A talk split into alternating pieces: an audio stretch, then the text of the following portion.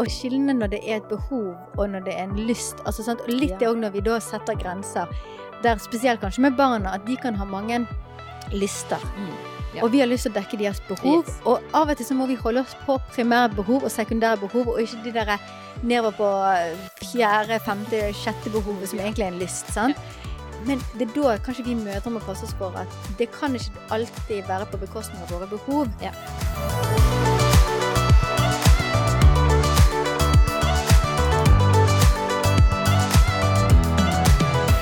Hei, alle sammen, og hjertelig velkommen til Mammas hjerte-podkast. Det er en unik pod i et virvar av mange stemmer. Vi er Kristina, Og Katrine! og her på podden så vil vi gi deg muligheten til å tenke lange tanker, løfte blikket og ta bevisste valg i en travel hverdag. Så velkommen med på ukens spennende samtale.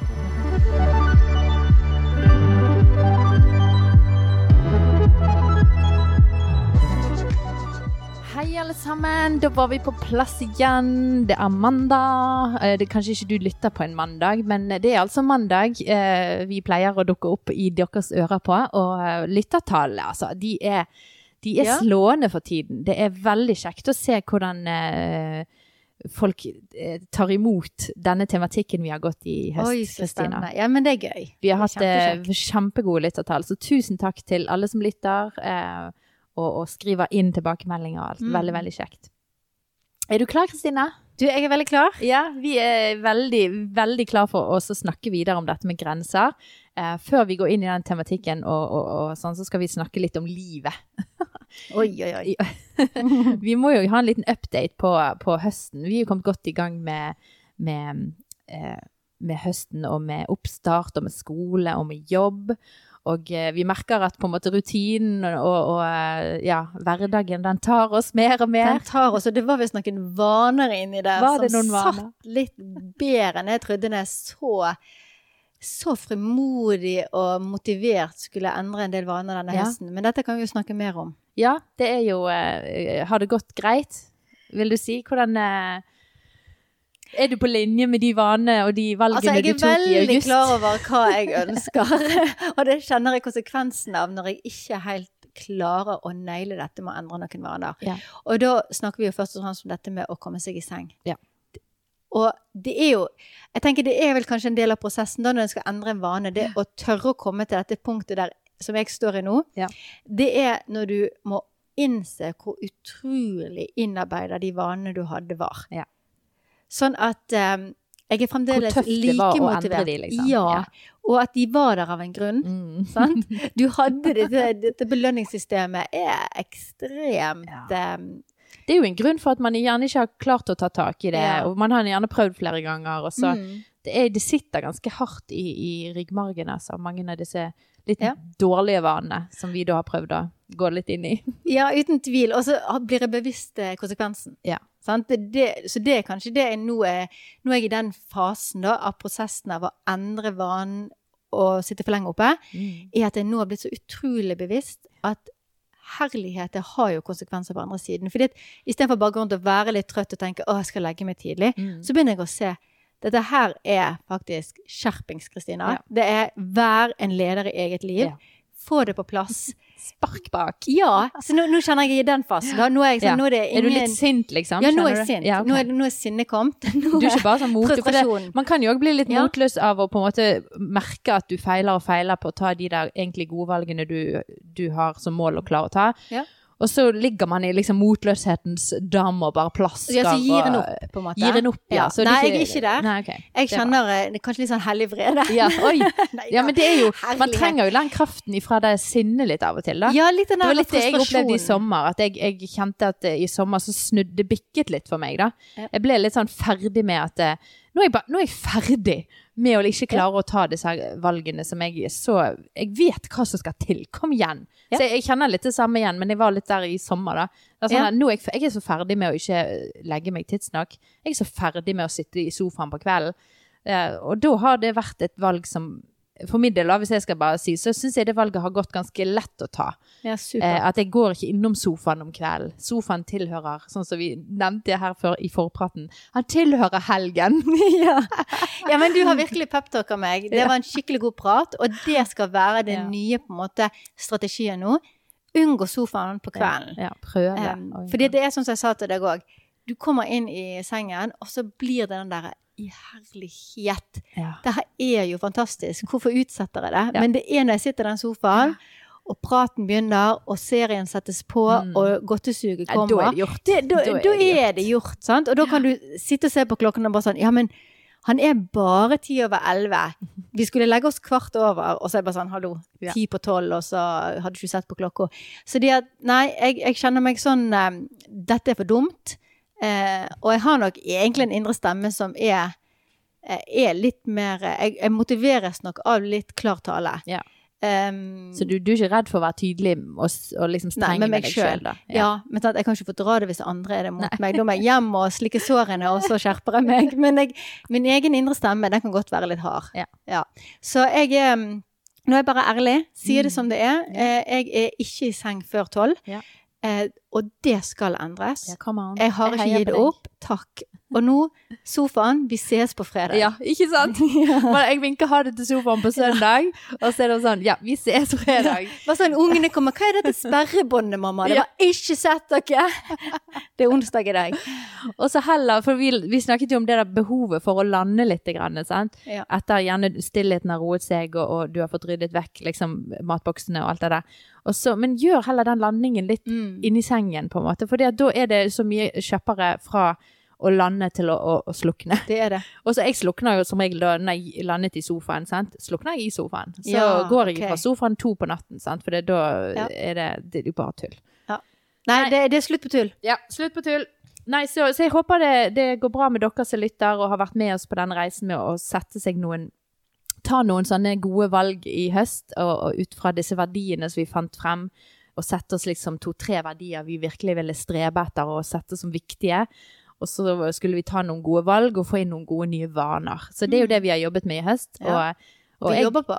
vi jobber på, og jeg opplever at det, det har vært eh, eh, Jeg har nok fått litt nok av at jeg ikke har eh, vært leder i eget liv, og eh, så, så jeg opplever at de, de vanene, eller de verdiene jeg har lagt for høsten, og, og vanene jeg ønsker å holde, de er såpass Ja, skal du det lette, da? Altså, jeg, jeg har satt noen krav til meg sjøl som er såpass lette at jeg klarer å ta valget.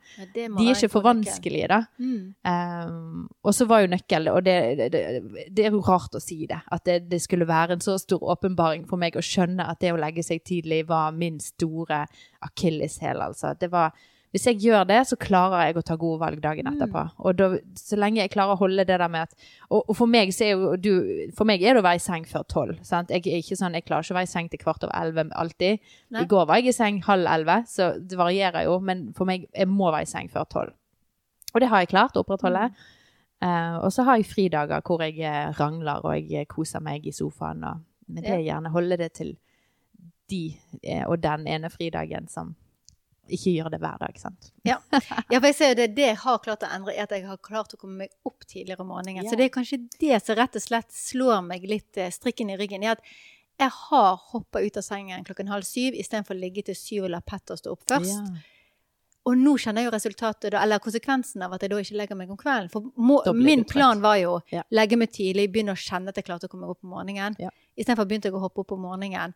Så ja, selvfølgelig. Det slår meg jo nå. Ja. Um, her kommer konsekvensen. Hvis jeg vil fortsette å stå opp halv sju, Ja. jeg kan ikke være våken til tolv. Men hvor viktig, sant? Du må gå de rundene. Hvor viktig er det for deg å klare å ta det gode valget om morgenen? Sant? Ja, det er du må- du må fantastisk å være våken for Ja, ungene. Det vil jeg. Og da, da må det, den, den verdien der få prege valget Mm. du tar om kvelden, sant? Ja. Nei. Dette blir bra. Jeg heier på deg. Takk. Jeg står og, og, og, slår, og dytter deg i, i røda litt. Come on. Ja. We can do Nei da. Jo, vi kan det. Men eh, for, før vi går videre, så har vi fått en tilbakemelding jeg bare måtte lese, for jeg syns denne var litt koselig. Uh, og det var noe som Det er nesten som jeg skulle ønske vi kunne gått litt mer inn i det, men, men vi, det var bare noe vi nevnte i praten med Katrine, tror jeg det var, når hun var her og snakket om økonomi. Mm. Uh, så var vi så vidt innom denne kaninhullet som handler om dette med eh, Jeg tror vi kvinner har en, en, eh, en lengsel og et behov i oss til å skape ting. Vi, vi har fått en skaperevne, og det er lagt ned noe unikt i oss. Um, ja, or, ja, ja, la oss ta det opp som en egen episode en gang, for jeg kjenner at her ligger det mye spennende. Uh, men her fikk vi en tilbakemelding da, som skriver Hei, takk for en fin episode i dag. Jeg har selv blitt ufør og opplever nå at det, det som gir mest glede, er prosessen med å skape. Det ble en oppmuntring for meg å høre dette eh, er noe Gud har lagt ned i oss kvinner. Mm. Og her er det en som er ufør og ikke kan gjøre den jobben som på en måte samfunnet forventer og krever av en, men allikevel kan finne da mening Mm. sant? og eh, hensikt med at ja, men du har en skaperevne, og her er det en stor lidenskap man kan ha i eh, å finne mening i og verdi i det, da, og ikke bare det at man for det, det kan jo ikke bare være lett å bli satt til side sant? i et samfunn hvor på en måte man måler sin verdi ut fra hvor mye man ja, jobber nesten. Ja, effektivitet. jobben og- mm. Hvor mange prosent er du i jobb, liksom? Sant? Det er jo ofte det spørsmålet. Hvor, gjør du på? Hvor jobber du? Hvor mange prosent er du der? Og, og det kan jo være en omveltende prosess, bare det å bli satt ut av alt det å bli ufør, sant? Men, men det er så mye mer til livet enn det, altså, enn å være i en jobb og, og rundt døgnet rundt. Så, så det er veldig gøy at vi kunne gi litt oppmuntring inn i en sånn fase Ja. i livet, da. Men dette vil jeg, eh, tror jeg vi må sette opp på listen over temaer Vi ta skriver det opp. Ja. Det er jeg med på, altså. Så, så fortsett å sende inn tilbakemeldinger. Vi elsker det, det vet dere.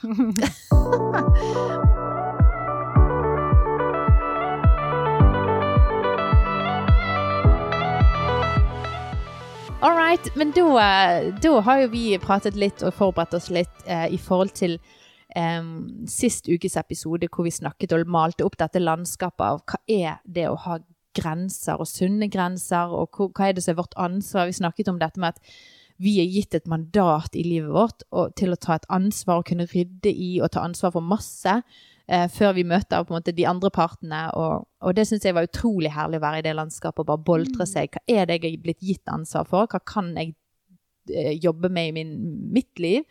Um, og jeg kjenner jeg har så mye å gå på og øve på der. Men i dag så skal vi gå litt mer inn i dette med hvordan konkret eh, kan vi kommunisere, og hvordan konkret kan vi jobbe da inni oss sjøl og rydde, og, og sånn at disse grensene blir tydelige, sunne, eh, holdt på å bli positive istedenfor veldig sånne harde og negative. Uh, så det, det har vi tenkt å gå litt inn i i dag. At vi liksom sist snakka om hagen, Ja. Altså at det er selvfølgelig en grense på hagen vår. sant? Enhver eiendom har et stopp, og så kommer det en ny eiendom, og der er det andre som på en måte skal være og eie og ha eierskap.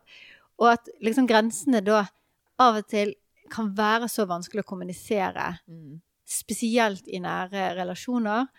Um, og ja, hvordan gjør vi det? Ja. Hvordan setter vi opp det gjerdet? Vi snakker om å ikke sette opp murer, for det har ikke noe for seg å sette opp en mur. Vi er kalt i fellesskap med hverandre. Mm. Og så snakker vi om det her hvor godt det er å være rundt mennesker Mm. som har en trygghet i. Dette er mitt, dette er ditt. Dette er mitt ansvar, dette har du eierskap overfor. Og så kjenner du i samvær med sånne mennesker at du kan senke skuldrene Ja. litt. Og det er jo det vi ønsker. Ja. Sant? Men altså, imot, i andre grøften så er, jo, så er jo det det at eh, når vi er usikre på disse tingene og ikke vet helt Og jeg tror vi alle kan kjenne oss igjen i det at det har kommet litt eh, Vi har opplevd at det har kommet eh, vonde reaksjoner eller vonde Å, ja. følelser Mm. opp i oss i møte med at eh, vi har blitt trakket på i våre grenser, eller at vi står langt inne i andres hager og opplever oss eh, forbigått eller forbi Eh, liksom, ja, så, så jeg tror alle kan kjenne igjen den, eh, den si, grøften av at det ikke har eh, vært sunne, gode grenser. Vi har ikke klart å kommunisere eller å, eh, Mm. å, bevege oss godt innenfor det landskapet. Så, Mm. så det vi ønsker å snakke litt om i dag, og hjelpe hverandre til, er jo hva, hva tankesett og hvordan kan vi eh, bearbeide disse tingene, sånn at vi ikke kommer ut i disse her vonde situasjonene. Ja. ja. Og så er det noen relasjoner som er kompliserte Ja. uansett. Og da handler det egentlig om å bli bevisst og få kjenne den eh, hva skal jeg si, friheten i det, av at det er faktisk grenser òg i de kjipe relasjonene, og at det er viktig å ha grenser. Og at ja, vi kanskje ikke snakker så høyt om grensesetting i nære relasjoner, fordi em, Kanskje det er vår oppfatning av hva kjærlighet er, hva omsorg er. Eh, kanskje vi sjøl er personer som både er blitt eh, beskrevet som, og òg ser på oss sjøl som veldig rause og gjestfrie og omsorgsfulle. Og hvis en ikke da har hatt et bevisst forhold til hva er grenser er det, så er det jo veldig lett at det blir grenseoverskridende. Mm. Og det kan være veldig vanskelig hvis en er konfliktsky. Hvis en sjøl har opplevd mye avvisning, så kanskje det siste en ville avvise folk. Eh, kanskje hvis en ikke har hatt eh, rom i oppvekst og i miljøer til å vise mye følelser, så er en redd for å skape følelser ved å sette grenser. Sant? Det er mange ting som kan eh, på en måte påvirke oss, da, som gjør at idet vi skal sette opp gjerdet så uansett liksom hvor tydelig du vet liksom, her går det en grense, så, så strides det, det blir en sånn indre kamp, da, fordi du er så redd for konsekvensen av gjerdet. Ja. Så det hvis vi da kan snakke litt om OK, nå vet du hvor hagen din er. Vi har snakket om at du liksom, man har funnet litt ut her er mine verdier. Så er det fremdeles litt mer mentalt arbeid, tenker jeg, før en eh, Det er liksom ikke bare setninger som en kan øve på for å Mm. sette en grense. For kommunikasjon er så mye mer enn eh, ordene en sier. Yes. Så da, da snakker vi litt her i stad, jeg og Katrine, om dette med at motivet bak når en skal sette grensene, kan jo være med å påvirke hvordan grensen blir sagt. Sier ikke de det at eh, kommunikasjon mellom to mennesker, da er det, er det 80 Mm, er kroppsspråket, og liksom 20 er det du Er sier. ordene, ja. Mm. Men det kan ofte være sånn at når vi kommer til et punkt der vi til slutt må sette en grense, så tror jeg den vektlegger ordene så mye at det blir liksom 70% avvisning og, og liksom 30 eh, steinansikt. Nei, jeg vet ikke. Sant? Og hvis en da klarer å jobbe litt med OK, hva er, hva er motivet mitt for å sette denne grensen? Um, fordi jeg tror noen ganger når en kommer i en nær relasjon, og en må sette en grense, så har det kanskje bygd seg opp enten eh, frustrasjon, en er kanskje blitt krenka, Um, Man kan, er uenig om noe, for blitt eksempel. uenig, en er blitt bitter. Mm. Og kanskje også, jeg tror er veldig sånn typisk for oss, er at vi har egentlig gått langt over grensene våre. Og så trenger en å dra tilbake integriteten, sjølverdet selvverdet i det. Og så er en da prega av bitterhet. Ja. Hvis en da klarer å stoppe opp først, Ja. for å rydde opp i liksom, ok, grensen trenger å gå her, sånn som Ja. vi har snakket om. Okay, dette, dette, nå var jeg faktisk, her, dette er min hage. Ja. Nå må Du jeg er sette faktisk innenfor min en grense. dette er Mm. mitt ansvar. Eh, men da å stoppe opp og se ok, hva er, hva er motivet mitt nå for å sette grensen? Hvor, hvor er jeg i hjertet mitt akkurat nå? Fordi at selv om eh, relasjonen på andre siden er kanskje vanskelig, kanskje det er mm, høye forventninger du ikke skal møte, så kan vi, tror jeg, veldig ofte klare å allikevel ha en empatisk tilnærming til hva som foregår på andre siden. Ja. Fordi vi alle mennesker er jo vi er utilstrekkelige. Vi er alle Vi kommer til kort. Vi, vi er drevet av oss sjøl. Vi har eh, egoistiske motiver innimellom. Og hvis vi klarer bare å forstå at det gjelder òg på andre siden, altså Ja. at vi bringer nåden inn i det du setter grenser, så er ikke nåden å si OK, det får være greit, på bekostning av seg sjøl. Da tenker jeg nåden er at en klarer å stoppe opp og bare prøve å forstå situasjonen fra den andre sin side, før en setter sin grense. For da tror jeg det kan være med å påvirke hvordan en sier det. Og òg hvis en har Det her er jo sånn som vi snakker i møte med ungene. Sant? At ungene kan ha en utagerende atferd, altfor mye følelser. Vi er fullstendig trygga. En nøkkel her er jo Klarer vi å se på barnet som at du har det vanskelig, du er ikke vanskelig, Ja. så hjelper det oss, tror jeg, da. En øvelse, men det hjelper oss å prøve å se hva er bak atferden, så jeg kan ha en empatisk tilnærming som for voksne forelder til å veilede deg, selv om jeg står og holder på å gå i flint Mm. fordi du trigger meg på alle punkter. Hvis vi klarer det med andre mennesker òg, yeah. og ikke da se nedlatende på å si ja, men du er jo et svakt menneske, du er jo en drittsekk i utgangspunktet, men faktisk prøve å ha en empatisk tilnærming, Ja. Da tror jeg det gjør noe med hjertet vårt. Jeg tror det har så mye å si hvor ordene og hvor, hvordan kroppsspråket vårt kommer ut ut ifra at vi ser litt empatisk på situasjonen. Jeg, ja, Mm. virkelig, og prøver å sette oss inn i. Og det kan jo være litt vanskelig av og til, og kanskje man må lufte, gå en runde med en, en person og, og få litt hjelp til å se den andre siden. For av og til kan jo det låse Yes. seg helt. Men å, å rett og slett få hjelp til å, å finne den empatien, da. Mm. Um, Og, og forståelsen, for det empati er jo ikke at en skal si at det den andre gjorde var greit. Sant? For hvis det her er, jeg er veldig med deg på det, og det var et godt innspill at få hjelp til å sortere hvis det er en Ja. relasjon som faktisk har krenka deg, såra deg, gått langt over dine Ja, ja. grenser. For det å da skulle prøve å vekke empati, da er kanskje da går det kanskje for tett opp til den omsorgen som har drevet deg allerede. At du Ja. tenker at 'å ja, ja, men stakkar'.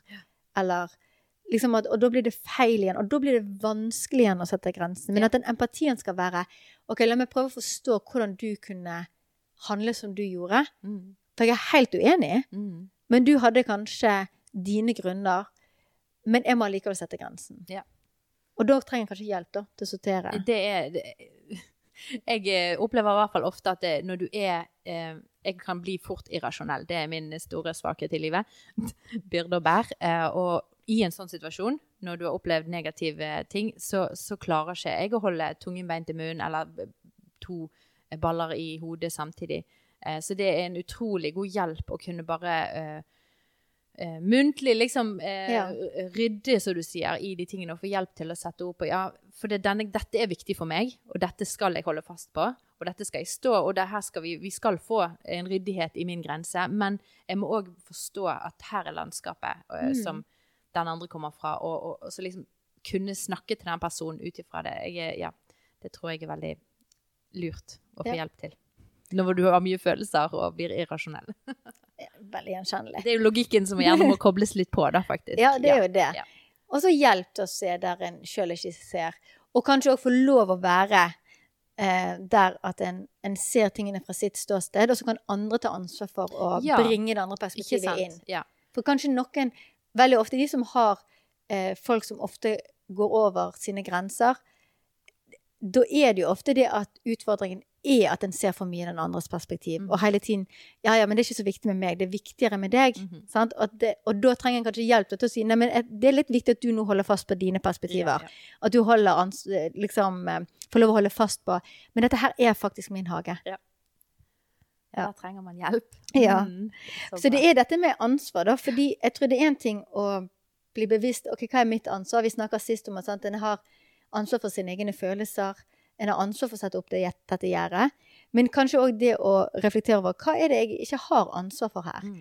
Fordi at hvis en klarer da å gjøre den litt, det mentale arbeidet av å løsrive seg fra det ansvaret Sant? Um, og det, det krever jobb, tenker jeg, eh, hvis en ikke gjør det til vanlig. Mm. Um, Litt øvelse. litt øvelse. Ja. Fordi, og det blir liksom bevisst at oi, det er faktisk ikke mitt ansvar. At selv om det er nær venninne, så er det ikke mitt ansvar, dette. Selv om det er barnet mitt, så er faktisk ikke dette mitt ansvar. Ja.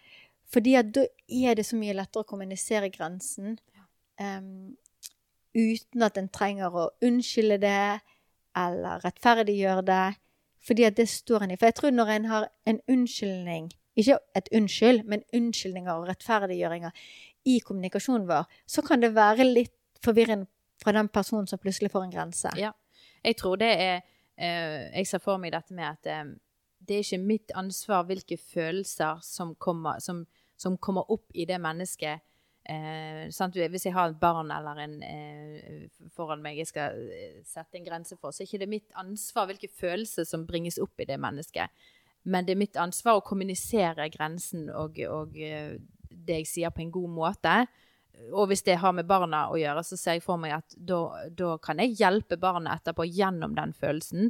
Vi ønsker jo alle å gode, ha gode, nære og hyggelige stunder. Sant? Sant? Dette med harmoni i hjem og harmoni i, i, mellom foreldre og barn. Og, og jeg syns jo i, i dagens barneoppdragelse så, så er det jo gjerne veldig mye over på at man skal ha veldig harmoni. Sant? Og at barna skal hele tiden ha forståelse, og de skal alltid kunne liksom Ja.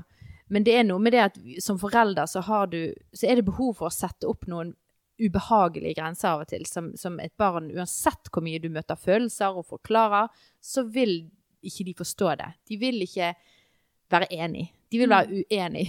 Og da må, eh, må man stå litt i det at eh, jeg kan ikke ta ansvar for dine følelser nå, at du syns Jeg skjønner det, og du skal få lov å være litt sur og sint nå, det er greit. Men jeg må stå fast på denne her grensen, for det er, en, det, det, det er noe vi er blitt enige om som foreldre, eller det er en verdi vi har, og det er her, her rikker vi oss ikke. Her går Mm. linjen. Og det kan vi kommunisere på en god måte. Vi trenger ikke å være streng og, og ja. Men at vi, man står litt fast i det, og ikke liksom gå utover grensen for å stilne følelsen som det skaper. Ja. Men at det er den personen sitt ansvar. Om det er barna, eller om det er en venninne, eller om det er et familiemedlem. Eh, så, så må man rett og slett slippe det litt der. Mm. Og det kan være litt ubehagelig, for Mm. du står ganske tett med disse folkene. Det er sikkert mange foreldre som kjenner det igjen, men det er ubehagelig å stå og sette disse her tydelige grensene, da. Mm. Og det er litt eh, Nå bare fikk en sånn tanke i Ja. forhold til det når vi snakker om økonomipraten med Katrine. Ja. Og det går litt inn i dette med verdier òg, at å skjel- når det er et behov, og når det er en lyst. Altså? Og Litt Ja. det òg når vi da setter grenser, der spesielt kanskje med barna, at de kan ha mange lyster. Mm. Ja. Og vi har lyst til å dekke deres behov. Yes. Og av og til så må vi holde oss på primære behov og sekundære behov, og ikke de der nedover på fjerde, femte, sjette behovet, som Ja. egentlig er en lyst. sant? Ja. Og det at selvfølgelig et barn er jo i så mye større grad drevet av lyst, Ja. eh, liksom tilfredsstillelse her og nå, en idé. Og for de oppleves det som et behov. Ja. Sant? Og det er der vi, vi noen ganger må sette grenser, tenker jeg, der vi vet behovet. Men det er da kanskje vi mødre må passe oss for at det kan ikke alltid være på bekostning av våre behov. Ja. Og dette er ikke en sånn der eh, ta vare på deg sjøl er det viktigste eh, i livet, men det handler om å ivareta seg sjøl Ja. i en nær relasjon til barna. Um, fordi at en skal stå i det, og fordi at en er mer enn bare en mamma. Mm. Uh, og at barna trenger da uh, For det, jeg, jeg tror det som skjer òg med oss foreldre, og kanskje mødre, at eh, har en blitt avvist sjøl som liten, så er en livredd for å avvise barna sine. Ja. Um, liker en ikke konflikt fordi det var ikke rom for store følelser i oppvekst eller miljø, så er en redd for at ungen har store følelser. Uh, og de tingene påvirker òg grensen. sant? Og det er der hvis en da bare ikke ja, men hva er mitt ansvar her? Jo, Mm. mitt ansvar er først og fremst dette. Og hva har jeg kapasitet til? Dette.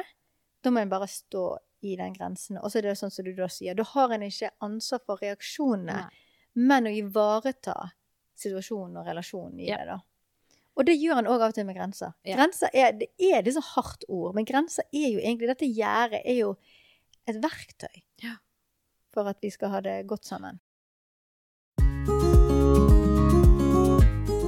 Hei, Kristina her.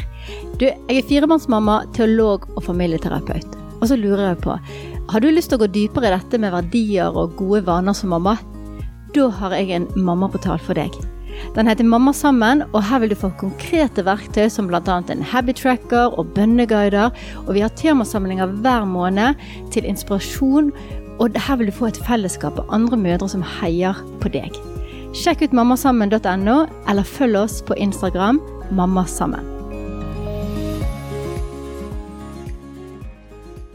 For å gå tilbake da, til motivet og til det, Mhm. så, så, så tror jeg det har så Så lenge man har de tingene på plass inni seg, Ja. og funnet ut hvor kommer dette fra, eh, og har motivet på plass, jeg har empati, sant, eh, så tror jeg man kan sette og, og, oppleve at man eh, kan sette en ganske tydelig grense og ikke ta ansvar for den andres følelser da, på en veldig god måte, tror jeg. Mm. Eh, for det har litt med for, for den personen vil oppleve det mye tryggere og mye fastere hvis du har de tingene som du nevnte tidligere, eh, satt og på plass og ryddet i, Mm. da, enn hvis man er litt sånn reaksjonsdrevet og bare sånn Nei, nå skal du Ikke sjans i havet at du får lov til å gjøre det. sant? Altså, Da bringer man bare opp en sånn negativ eh, Da blir det negativ kobling. Da blir det, da blir det en bitterhet, og da blir det ikke en sunn, Mm. tror jeg, kommunikasjon. Men at man eh, Åh, ja, jeg må dra inn Danny Silk sin undervisning igjen. Vi har snakket om det så mange ganger i Mammas hjerte, men Keep Your Love On, uh, som er Danny Silk, hvis du vil søke opp. Han har både podkast, og han har eh, bøker, og han har nettside, så du kan finne frem. Men det, det er mye der vi kommer fra når det, vi snakker om relasjoner. Og han er veldig tydelig på det at du har kun ansvar for deg og ditt. Og det er jo det vi kommer ut ifra når vi snakker her. Eh, Så lenge du bærer deg og står At du har ansvar for at du står godt i denne situasjonen, i denne kommunikasjonen, eh, og at du med kjærlighet setter denne grensen, gir denne beskjeden, eh, så, så har ikke du så mye ansvar for det som foregår på andre siden. Eh, Det må den andre personen. Og det tror jeg er så viktig at barna våre lærer. Mm. For de fort kan bli litt sånn Ja, nå ble jeg så sint, og du må nødt til å fikse at jeg var sint, sant? Og, og da fortjener jeg at du eh, Et eller annet. Mm. Men at man faktisk lærer det med at man skal eie Mm. seg sjøl. Og i kjærlighet kan man stå ganske tydelig Mm. og si at nei, dette er ikke greit, liksom. Uh, ja. Og jeg tror det er med på å skape liksom den gode, ekte kjærligheten. Den, Ja. den som ikke uh, er grenseoverskridende, den som ikke utnyttes. Fordi at, den kan, fordi at når vi setter opp disse grensene, så er det jo Som sagt, vi skal ha et gjerde vi ser igjennom fordi at fellesskapet skal være der. Ja. Så jeg tror det er når det er ryddig. fordi at dette gir jo mindre grobunn for bitterhet og eh, de, de frustrasjonene og de kjipe følelsene. Em, sånn at da er det jo mer rom for de gode følelsene. Ja. Da er det rom for rausheten til hverandre. Da er det ekte gjestfrihet. Sant? Da vet en at når en, by, når en, en kan slippe folk innpå Fordi at en trenger ikke være redd for ja, men hva gjør du med det? Utnytter du det? Ja. Eh, tramper du på det? Mm. Sant? Og det er jo det som òg er med disse grensene, er jo ikke fordi at målet er at vi skal være så separate fra hverandre. Nei. Synes det er veldig fint å tenke det at den sunne, modne relasjonen, da er en selvstendig med gjensidig avhengighet. Sant? At hvis vi klarer den kombinasjonen i en Mm. relasjon, så, og da må det være gode grenser på Ja. plass. Fordi at hvis en er avhengig av hverandre, så blir det usunt. Ja. Da, da, da, da er jeg avhengig av deg for å ha det bra. Da har jeg lov å kreve ting av deg, og så krever du det samme. Så står vi og tramper over på gjerdene og, Ja. og flytter og krangler. Eller hvis en bare skal være selvstendig. Ja. Så setter en jo avstand til Ja, hverandre. Og så trenger en hverandre. Mm. Og da er det ikke mye kjærlighet, og da er kanskje det mye større avvisning i kommunikasjonen vår. Så hvis vi klarer liksom at målet vårt er en gjensidig avhengighet med selvstendighet, Ja. og så likte jeg også veldig en ting du sa i stad. Det her med at vi bare plutselig reagerer. Ja. For det er det også skjer når ikke vi har gjort det ryddearbeidet før. Der vi vet dette er hagen min. Jeg dyrker faktisk gulrøtter borti her, og jeg har et pæretre her. Og jeg skal ikke ha inn all den ripsbusken fra Ja. naboen, for det er ikke jeg interessert i. Ja.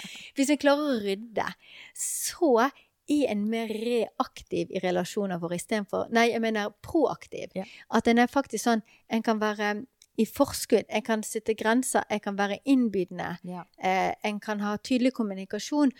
Kontra det motsatte blir at når en ikke har helt oversikten, da blir vi reaktive, sånn som du sa. Da, da reagerer vi med følelsene. Og så det egentlig vi snakker om i dag, så Ja. vi liksom tenkte at er denne biten før en har akkurat setningen en kommuniserer, da er det å gjøre dette grunnarbeidet som gjør at en er først og fremst proaktiv i Ja. relasjonene. Fordi her er gjerdet.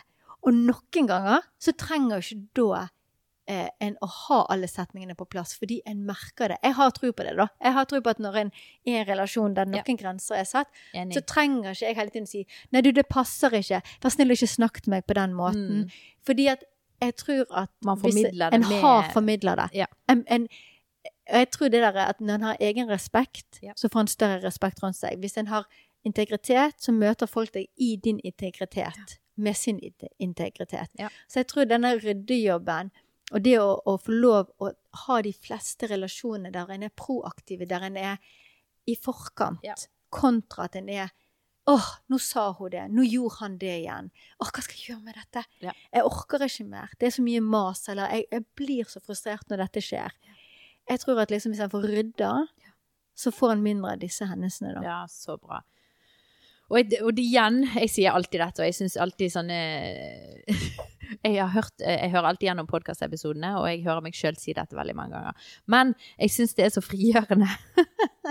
Fordi at det handler jo om jobben jeg må gjøre. Mm. Og det er ikke umulig. Jeg jeg kan klare det, uh, tenker jeg. Det kan vi alle klare. Um, Og har- hvis ikke du klarer det, prat med noen. Ja. Det kan være veldig godt å prate med noen og få sortert det. jeg tror at dette er et ansvar som vi alle har mulighet til å gjøre, eh, enten alene eller med, i, i, i, med hjelp med andre. Jeg trenger mye hjelp til sånt, for det, som jeg sa i sted, jeg blir veldig irrasjonell og følelsesladet når det kommer til eh, grenser og sånn. Så eh, Men det er jo noe som jeg opplever som frigjørende, for det handler ikke om og nå må jeg tøffe meg opp for å være tydelig der, og jeg er nødt til å si, huske på at hver gang jeg treffer den personen, så må jeg si sånn og sånn. Men det handler mer om at jeg er nødt til å gjøre en, eh, en ryddejobb på innsiden, og det, det tror jeg er veldig nyttig verktøy for mange Mm. eh, mødre. Da. Ja. Eh, og i en kaotisk hverdag så er det vanskeligere å finne tid til det. Um, og da kanskje jeg bare også snike inn den her Jeg, jeg syns du, du har et godt tips til hvordan man kan rydde, og det handler om å skrive, sant? Ja. Eh, kunne ikke du sagt litt om det? Hvordan det Ja. kan være en god hjelp? Ja, for jeg tror eh, eh, det å ha tid i den tiden vi lever i, da, til at faktisk vi setter alle tid til å bare sortere våre egne tanker, tror jeg er viktig. Ja. Fordi vi har så mye input. Og jeg har tro på dette å sette seg ned og skrive. Ja. Og det å liksom at du i fredstid for din egen del, altså ikke akkurat når du står midt i en konflikt, men kanskje du har nettopp stått i noe sånt, det er litt friskt i minnet, liksom, vet du hva, her må jeg få på plass noen grenser. Dette funker ikke lenger. Så er det å sette det ned og skrive. Hva er grensene som har gått over? Mm. Finn ut liksom, hvor er det du trenger å ha en grense i livet ditt nå. Hvis du kjenner at du er utmatta, hvis du kjenner at du er i mammarollen, Mm. bare aldri har overskudd, eh, og du merker sjøl at det er noe som skurrer, at du er for mye styrt av dårlig samvittighet, at du er sånn som vi snakker om, reaktiv, at det er veldig ofte følelsene dine Mm. som styrer hvordan en, en situasjon går. Ta deg tid til å stoppe opp og få skrevet ned dine egne tanker rundt. ok, Hva, hva er egentlig grensen jeg trenger å sette? Mm. Trenger jeg mer søvn? Trenger jeg mer tid eh, i mitt eget selskap? Trenger jeg mer tid til å gjøre mine ting? Eller er det i relasjoner der det blir kommunisert ting? Trenger jeg å få lov å ta egne valg her? Trenger jeg å eh, være mindre styrt av en forventning av at jeg skal være fysisk til stede et sted? Trenger jeg mer tid til noe annet i livet mitt? Altså, finn ut. Hva er det som foregår akkurat nå som gjør at du kjenner eh, det er faktisk, Jeg er ytre styrt mer enn indre styrt. Og jeg har ikke kapasitet til å handle ut ifra omsorgen min eller kjærligheten min eller engasjementet mitt. OK, sett deg ned, finn ut hva er din grense. Mm. Um, og skriv også grunnen til hvorfor trenger du å sette denne grensen nå. Sant? Går det utover relasjonen? Går det utover familietid? Går det utover følelsene dine? Selvfølelsen din? Eh, er du forvirra over valg du skal ta, for du har så mye input? Eh, er- krangler du av ektefellen fordi at svigers blander seg inn? Eh, og dere har forskjellige måter å kommunisere på. Ok, Skriv ned hvorfor trenger du å sette den grensen.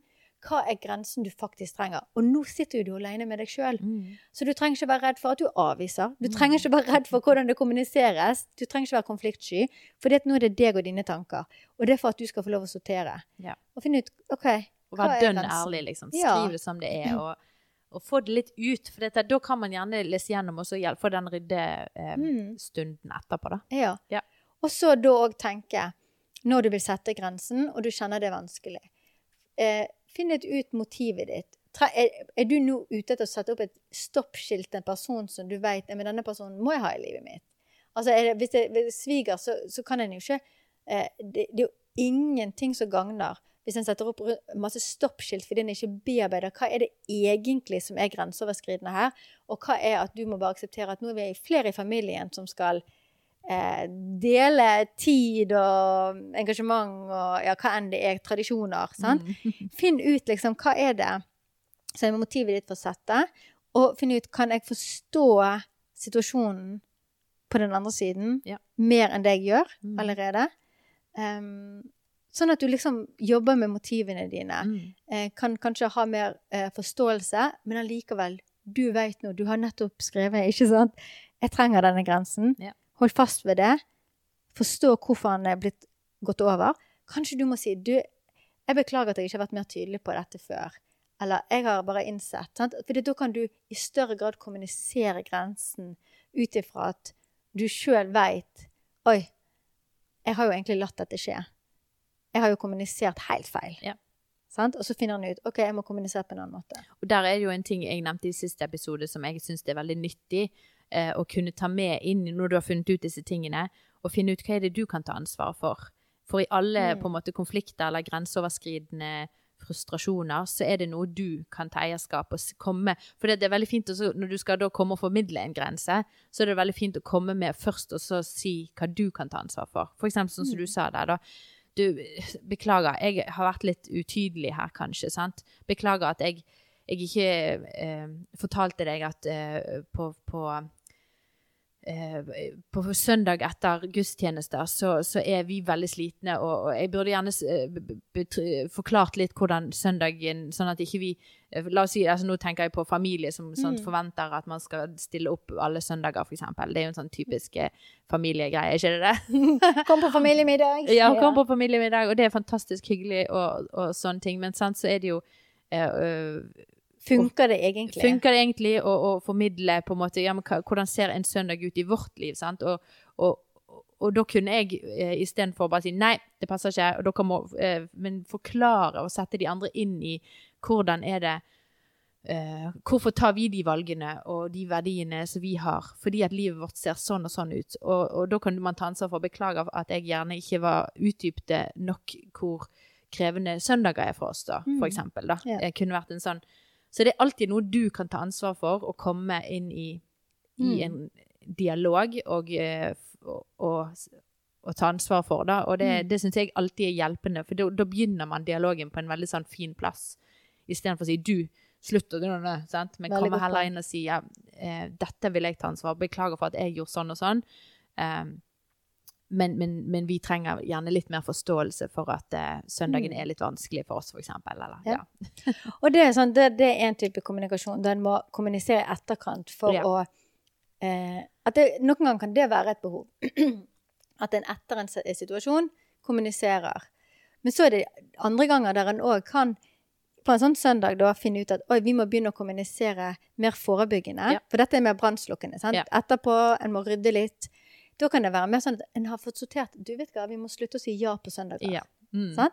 Og da er det enkelt, for da trenger en ikke å si Eller enkelt er det ikke, men da er det en enklere kommunikasjon. at Da trenger en ikke å forklare seg. Da er det mer å si sånn Du, det passer ikke søndag. Hva med torsdag? Yeah. Og så er en kjappere til å si det. eh, Istedenfor å stå og kjenne på den indre konflikten av at å, vi burde, og så kommer denne tanken om at ja, men vi skal jo være gjestfrie, og denne personen trenger det jo, jeg vet jo alt dette som foregår.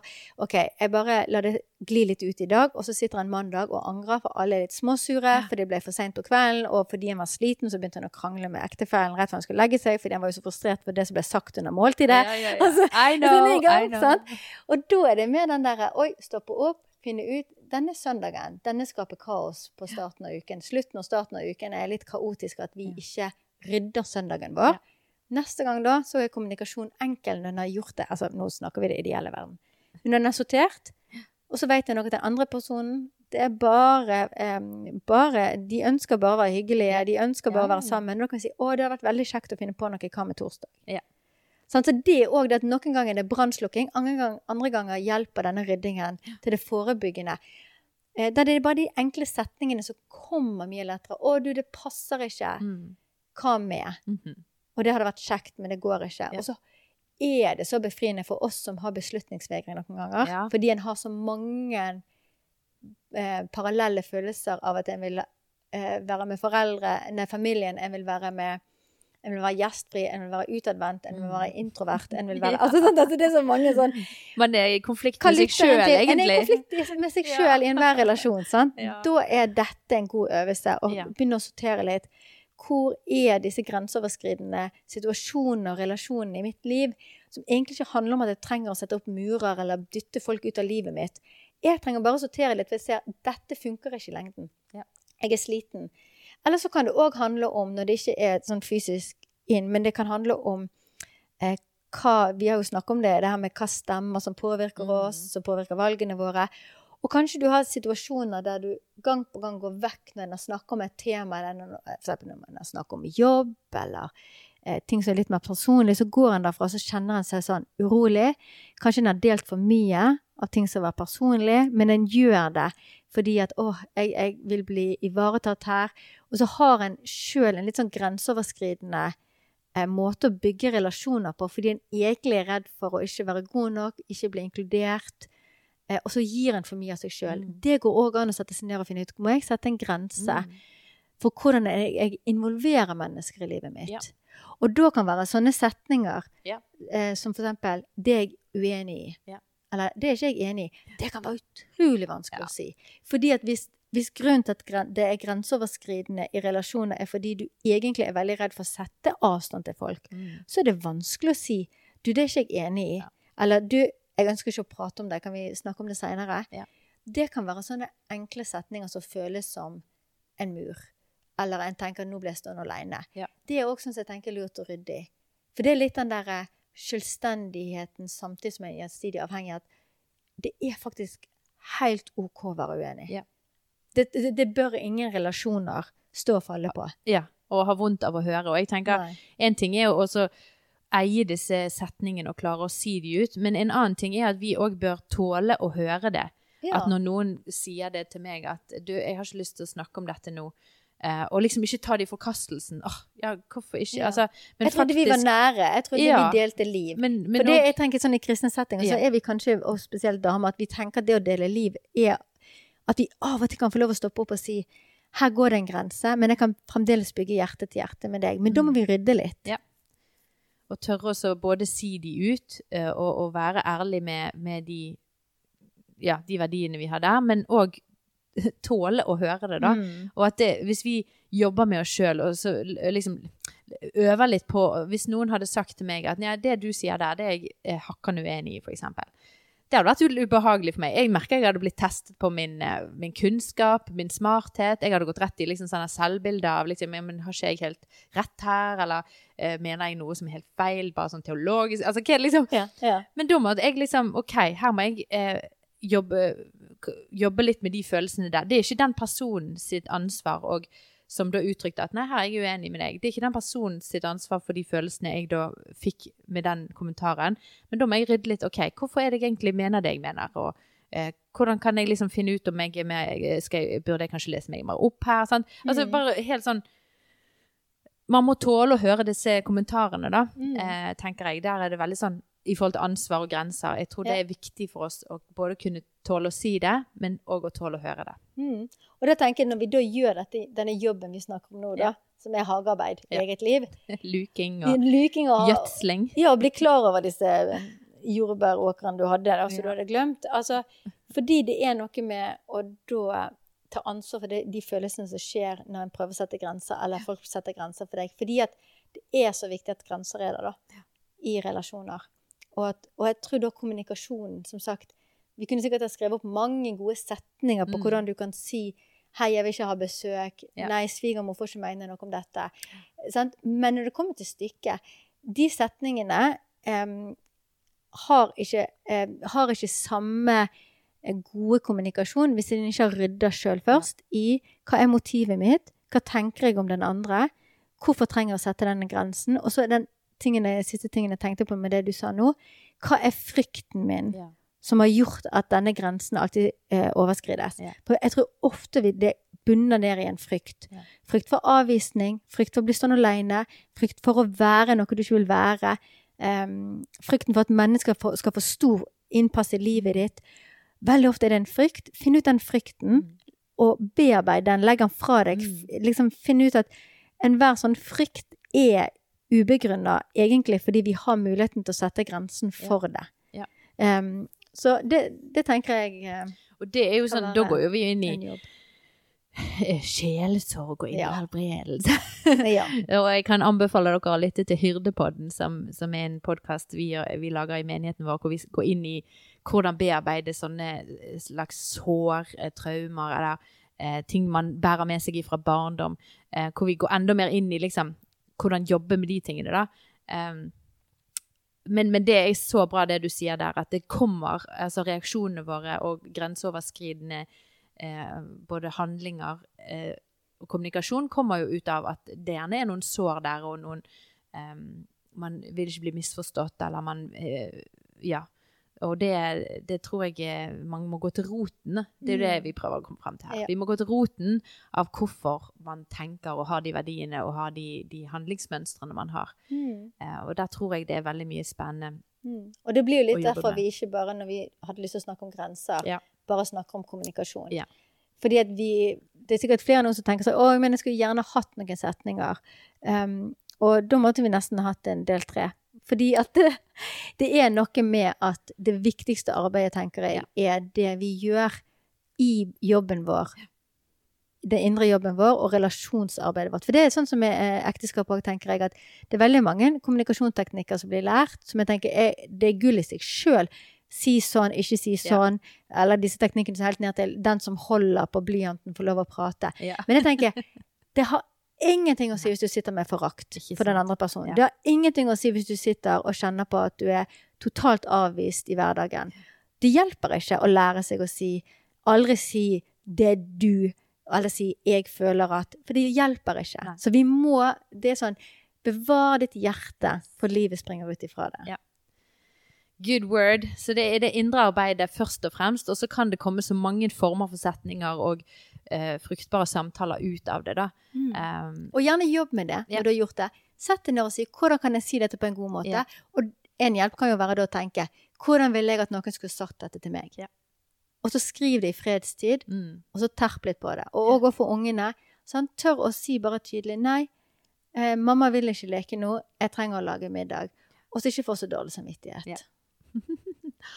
Du, jeg har lyst til å avslutte med et uh, bibelvers som har gitt, meg masse uh, håp på akkurat dette området. da, For jeg føler det er så mye, det er så kaotisk ofte, og, og det er så vanskelig å gripe tak i ofte. Men, men det fins håp for oss alle, og det fins eh, eh, og sant, Vi som tror, vi som er kristen, vi, vi, vi tror på en Gud som er større, og som er på en måte relasjonseksperten, som har gitt, gitt oss verktøy, som har visdommen som ikke vi har, som har den freden og den tålmodigheten som gjerne ikke vi opplever i, i hverdagen vår.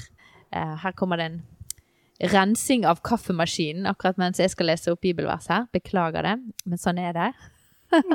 det kom ikke brannalarm på det, for det skulle det kommet mens vi tok opp i dag, men den har ikke blitt slått på, tydeligvis. Så vi var heldige nå, Kristina. Ja, det her bråker nok, syns jeg. Men, eh, men jeg, jeg syns det er så fint å kunne liksom ikke stå alene i alt dette virvaret og dette som jeg opplever som når jeg står der, da. Når vi snakker om det, så opplever jeg at jeg klarer å se klarere i det og, og rydder i det. Men når jeg står i det sjøl, så kan det oppleves så kaotisk. Mm. Ja. Så frustrerende og så vanskelig. Mm. Eh, men, Og det er vanskelig. ja. Mm. Og, og i nære relasjoner kan dette bli så sårt, og det kan bli så vondt av og til. Og det kan gjentatte ganger bli skuffelse og bli sant. Og da syns jeg det er så godt å kunne vite at man kan Man, står på noe, da, som, som er fast. Mm. Noen Man står sammen med noen som vet bedre. Man kan eh, venne seg og, og be til noen som, som har kanskje svar, som har svar, sant? og kan gi meg noe som jeg ikke har. Eh, og der opplever jeg at min tro og min, min tillit til Gud kommer gang på gang. Altså i disse, det er i disse situasjonene jeg oftest kjenner han nær, da. Fordi at jeg blir så frustrert og så oppjaget og, og kan virkelig kjenne på fred og kjenne på tålmodighet, eksempel, eller kjenne på visdom som jeg ikke har, fordi at jeg snur meg til han. Og da vil jeg bare avslutte med et bibelvers som har vært styrkende for meg i disse sammenhengene. Det står i Filipp, Filipperne, kapittel 1, vers 9, hvis du har lyst til å slå det opp. Der står det Og dette er min bønn. Og det kan jo være at jeg, jeg kan be dette over dere som lytter på, hvis du, hvis du kjenner behov for det, og, eller du kan be det sjøl en gang du kjenner behov for det. Um, dette er min bønn, og vår bønn for dere som lytter på. At deres kjærlighet må bli mer og mer rik på innsikt og på dømmekraft, slik at dere i de forskjellige spørsmål kan dømme hva som er rett, så dere kan stå rene og uten feil på Kristi dag. Og her handler det jo om akkurat det vi snakker om her. Klare å rydde, klare å skilne, klare å reagere og, og kommunisere og sette opp grenser riktig. Skilne i de forskjellige spørsmålene. Eh, sånn at vi kan stå rene og uten feil. Og der opplever jeg at i de ordene så ligger det dette med altså ikke ikke gå til bitterhet, ikke gå til Mm. misunnelse. Ikke liksom Altså klare å gå unna disse her vonde måtene å, å sette opp grenser og kommunisere på og være med hverandre på, da. Som kan være vonde. Og, og, og alt i alt, én ting er de tingene vi gjør mot andre mennesker som jeg tror vi alle har et behov for å være hyggelig mot andre mennesker og, og, ja, og gi andre mennesker kjærlighet. Men jeg opplever vi må snakke om det som vi gjør mot oss sjøl, når vi eh, ikke er så gode på disse tingene vi har snakket om. Da, Mm. da kan vi sjøl sitte igjen med masse selvforakt, masse skyldfølelse, masse skam. Vi kan, dette med bitterhet, dette med misunnelse, kan, kan spise oss opp, altså. Og for at vi skal ikke gå inn i, i de fellene eh, som relasjoner og grenseløshet ofte kan ta oss inn i, Mm. så opplever jeg at vi er nødt til å stå på noe som er eh, mer fast. Vi må, vi må få hjelp fra en som er større enn oss sjøl, da. Mm. Og andre mennesker, tror jeg. Eh, så, Og det er nådig praksis. ja, det er nådig praksis, ja. Mm. Virkelig. Og det, det står jo her at deres kjærlighet må bli eh, mer og mer rik på innsikt og dømmekraft. Mm. Så, og det er jo nåde til oss sjøl, først og fremst, men òg Mm. nåde til mennesker rundt oss. Ja. Um, Innsikt og dømmekraft. Kjærlighet er ikke bare en følelse. nei. Det er ikke bare en Mm. god følelse. Nei. Det kan ofte være en, en tydelig grense som vi Mm. må sette opp. Det kan òg være kjærlighet. Veldig sant. Mm. Så der tror jeg vi går til en avrunding i dag. Jeg syns alltid det er fint når vi kan ende i liksom fundamentet. Eh, for vi mennesker, vi, så, vi, kan, vi kan ha så mange tek teknikker og måter å tenke på, og, og gode løsninger og, og strategier. Men hvis ikke vi står på dette fundamentet, så, så opplever jeg at det, det så Det kan rokkes så lett, og vi får ikke det til i egen kraft. Men, eh, men i vår skrøpelighet og vår kraftløshet så kan vi lene oss til Gud, og så blir Han stor i våre liv. Ja. Og det er godt å kjenne på. Nei, men takk, Kristina, for at du, eh, du var med og eh, malte dette landskapet enda tydeligere for oss. Ga oss enda litt mer å jobbe med. Enda mer å jobbe med. Det er det jeg òg kjenner. Så derfor tenkte jeg bare å si at hvis du ønsker bare noen enkle sånne refleksjonsspørsmål, eh, så har jeg nok sånne eh, temahefter som går an å se litt igjennom, der du kan lese litt og se på noen spørsmål og rydde litt, og mer enn bare å ha hørt på en podkast kanskje i bilen eller mens du vasker opp. Mm. Så da bare finn meg på Instagram, Foreldre sammen. Eh, ta kontakt med meg der i eh, innboksen, og så sender jeg deg et temahefte. Supert. Takk for at du gjør jobben for oss og Og utarbeider masse god Ja, men du lager masse gode ressurser, og Mamma sammen, jeg må jo si det at det, det er jo et eh, Det er jo dette som er meningen i det fellesskapet der. eh, Å gå enda dypere i akkurat Mm. denne, og få hjelp og støtten til å rydde, til å bli mer bevisst eh, i akkurat det vi snakker om nå. Dere snakker Ja. om grenser i Mamma sammen nå. Ja, Mamma sammen. Og for de som ikke vet det, et sånn nettfellesskap av mødre som ønsker å leve mer verdibaserte liv, og gjerne sånn Vi skal gå inn i Bibelen og dykke ned i hva Ja. Guds ord sier om disse tingene. Så velkommen der. Virkelig. Eh, Så du, du lager til rette for at det skal bli lettere for oss eh, mødre å stå i dette. Så tusen takk for jobben du gjør. Takk. Nei, takk til deg som lyttet på.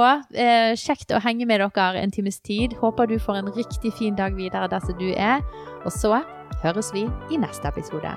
Ha det godt! Ha det. Takk for at du lytter til denne podkasten. Hvis du har spørsmål, tilbakemelding eller eh, forslag til tema og gjest, så må du gjerne skrive en mail til meg på post alfakrøllmammashjerte.no. Og følg oss gjerne på alle de andre sosiale medieflatene som Instagram, Snapchat, TikTok, YouTube og Facebook.